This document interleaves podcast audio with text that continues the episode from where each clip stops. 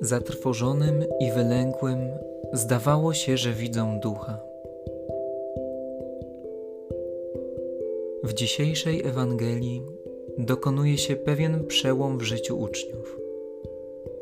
Od kobiet, które były u grobu, wiedzą, że Jezus żyje. Dopiero co usłyszeli o spotkaniu Jezusa w drodze do Emaus. W ich gronie chwilę wcześniej padły słowa, że Pan rzeczywiście zmartwychwstał i ukazał się Szymonowi. W tym momencie staje przed nimi Jezus. Pokazuje im swoje ręce i nogi. Spożywa w ich obecności rybę. Mówi do nich. Tymczasem w sercach apostołów wciąż jest trwoga, lęk, brak wiary i zadumienie. Przeszliśmy przez Wielki Post, Triduum Paschalne i weszliśmy w okres wielkanocny. Ciągle słyszymy coś o Jezusie. Tyle razy już obchodziliśmy święta. Czy jest we mnie wiara w to, że Jezus rzeczywiście zmartwychwstał? Nie tak dawno kardynał Cantalamessa mówił – Jezus Chrystus jest osobą. Co więcej, jest osobą, która żyje. Tymczasem dla większości chrześcijan jest on jedynie postacią, o której być może nawet wiele wiedzą, ale nie żyją z nim w osobistej relacji.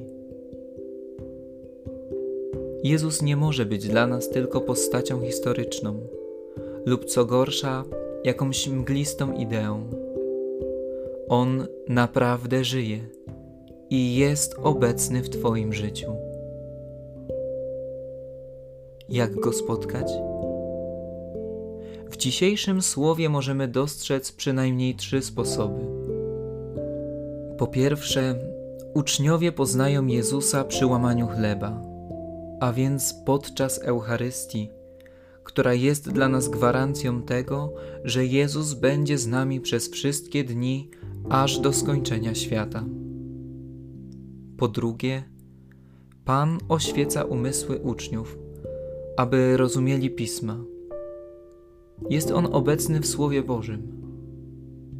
I wreszcie, Pan zapowiada głoszenie nawrócenia i odpuszczenie grzechów, czego świadkami będą uczniowie. Chrystus jest obecny w swoim kościele bez względu na to, jak bardzo zalękli, zatrwożeni i bez wiary są ci, którzy go tworzą. Chrystus zmartwychwstał. Kim jest dla Ciebie?